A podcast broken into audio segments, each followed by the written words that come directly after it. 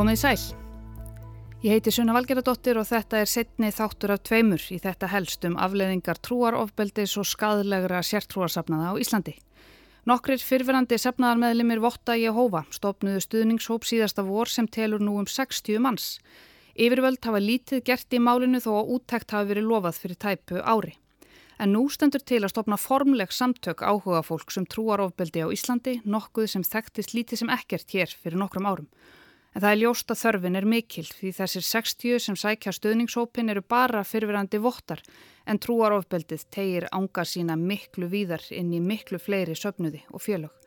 En línan hún er samt alltaf svo sama. Það er kúun, gaslýsing, legar, hótanir og ofbeldi í nafni trúarinnar.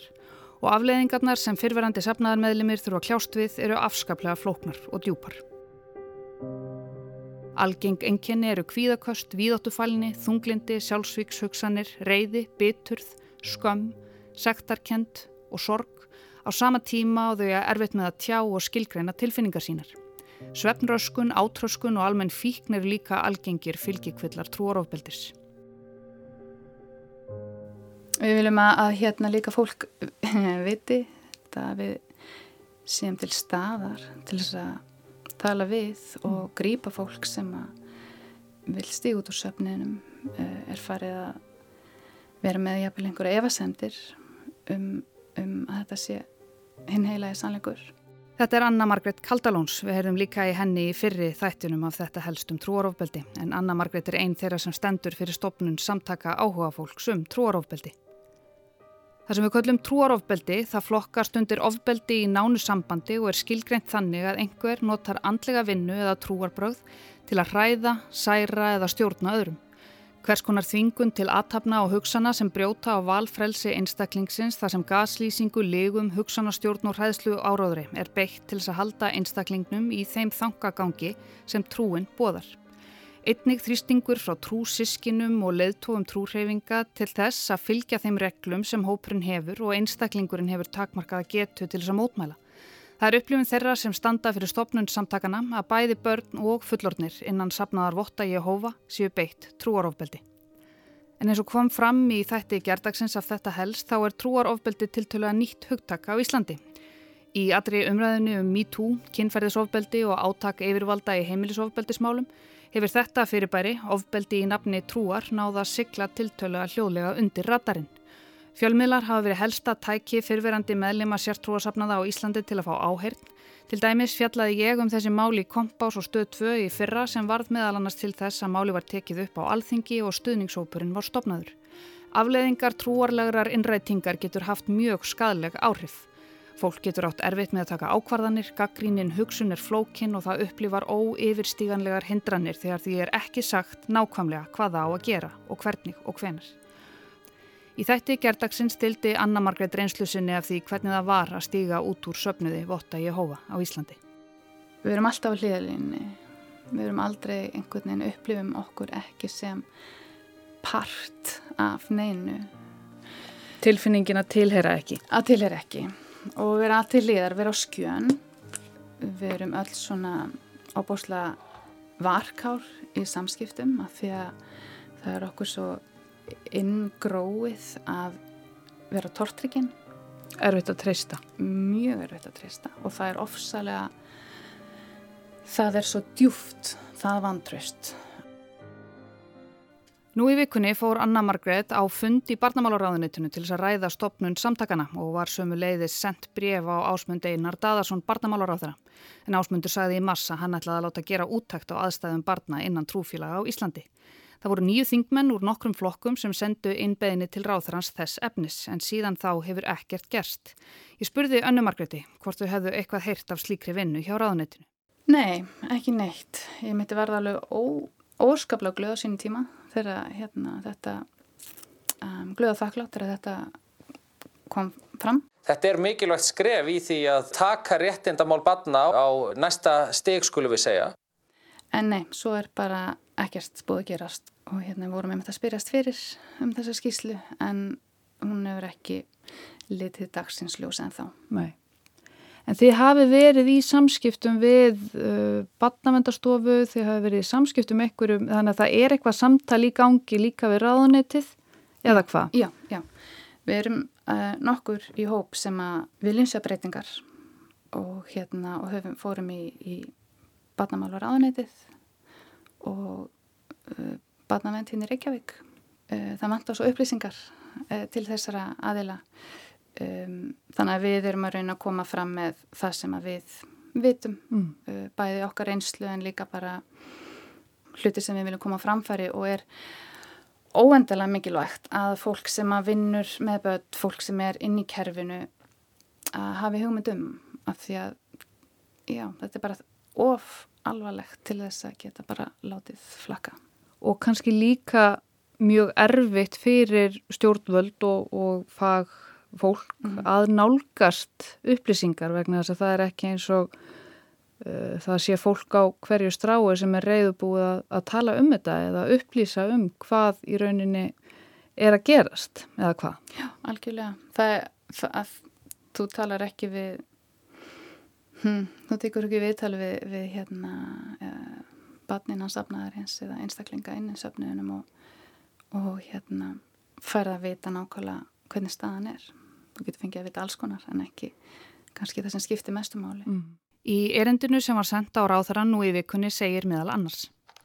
Við ætlum að halda áfram að skapa vitundarvakningu um afleiðingar trúarofbeldis og stefnum á að setja á fót úrræði fyrir börn, ungmenni og fullorna sem hafa orðið fyrir því. Á Íslandi eru þúsundur einstaklinga og hundruð barna sem lifa við eða hafa lifað við trúarofbeldi í mismunandi trúfélögum. Það er von okkar að þetta sé fyrsta skrefið í samtölum um hvernig megi best vernda þennan hóp barna fyrir trúarofbeldi og hvernig er hægt að koma sem best til móts við þarfir þeirra innan kervisins. Þetta verður samtal vonandi sem munu nýtast öllum börnum sem alast upp við óheilbreyða trúarlega innrætingu og þá skerðingu og réttindum sem tilgreynd eru í barnasáttmála saminuðu þjóðuna og í landslögum.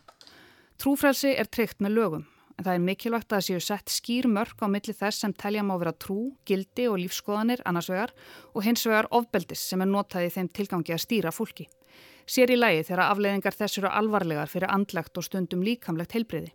Í dag rekast lög um trúfrælsi á við lög um mannreitnindi og barnavend.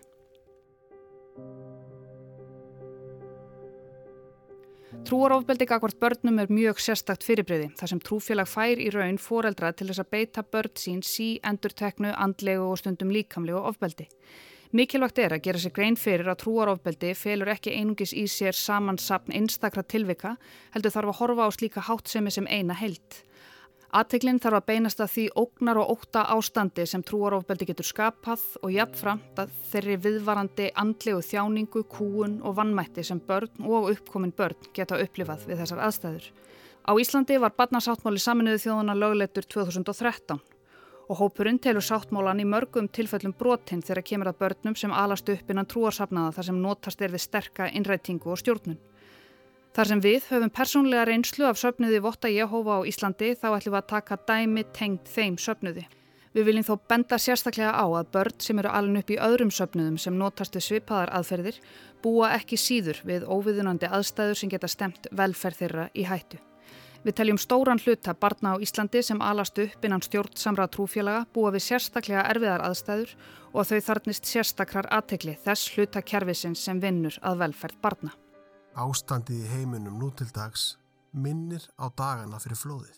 Við sjáum ofbeldi og fólk gerir allskins hluti sem Jehova hatar. Frá unga aldri eru börninan votta Jehova útsett fyrir gríðarlegri innrætingu sem mótar þau á ímsan hátt. Menn hæðast að þjónum Guðs og segja allt gengur sinn vana gang. Þeir hafa rámt fyrir sér. Jehova eitti hinnum yllu á dögum Nóa og hann mun gera það aftur.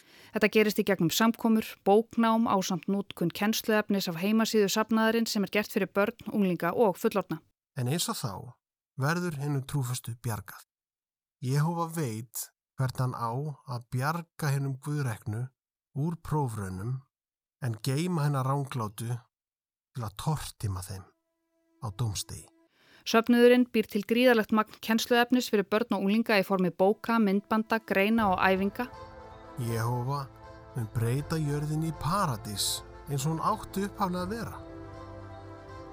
Jörðin verða full af góðu fólki. Þar mun enginn gera uppreist gegn Guði. Og hvað um englana sem gerði upprist? Í flóðinu á dögum Nóa yfirgáfi yllir andar líkama sína og sniru aftur í andaheimin með skömm. En síðan þá hafa þessir yllu andar haft slæm áhrif á mennina, allt til dagsins í dag.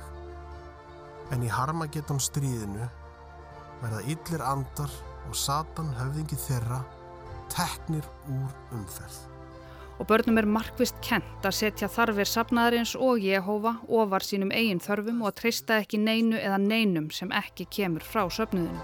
Ef við sínum trú eins og Nói og hlýðum Jehova, getum við verið vinir Jehova og svo vináta getur varað um alla eilíð. Mikil áherslaði lögð á algjörarhlýðinni og að börnin móti persónuleika sinn eftir því sem söpnuðurinn segir að sé rétt. Sveigrum til að taka upplýsta ákverðun með aðgengi að upplýsingum er lítið sem ekkert. Börnum er kent að vera ekki eina á internetinu, láta vita ef þau verða vittni að einhverju ósýðlegu eða því sem ekki samræmist skoðunum vottum Jehova. Fólkið er latt. Þess vegna hrópar það. Við viljum fara og færa Guð okkar fórnir. Erfiðið á að kvíla þungt á mönnunum svo að þeir hugsa um það en hlusti ekki á lígar. Stanslausar viðvaranir við utanaðkomandi áhrifum frá fjölskyldumæðlimum, kennurum, mentakerfinu, helbriði starfsfólki og í raun frá öllu sem kemur frá heiminum innan gæsalappa.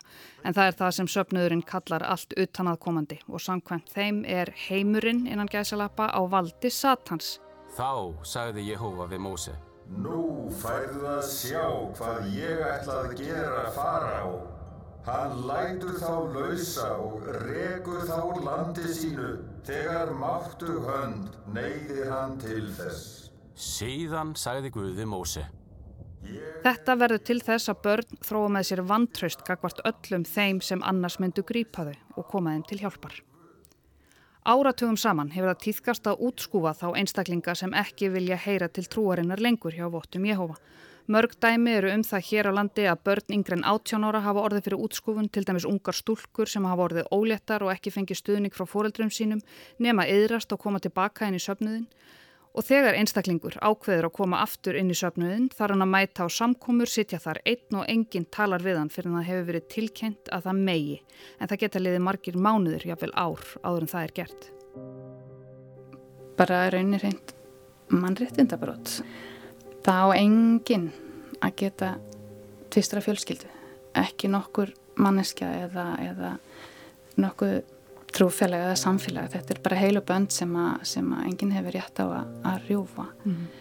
Um, og fólk er náttúrulega sett í bara skelvilega, skelvilega aðstöðu. Mm.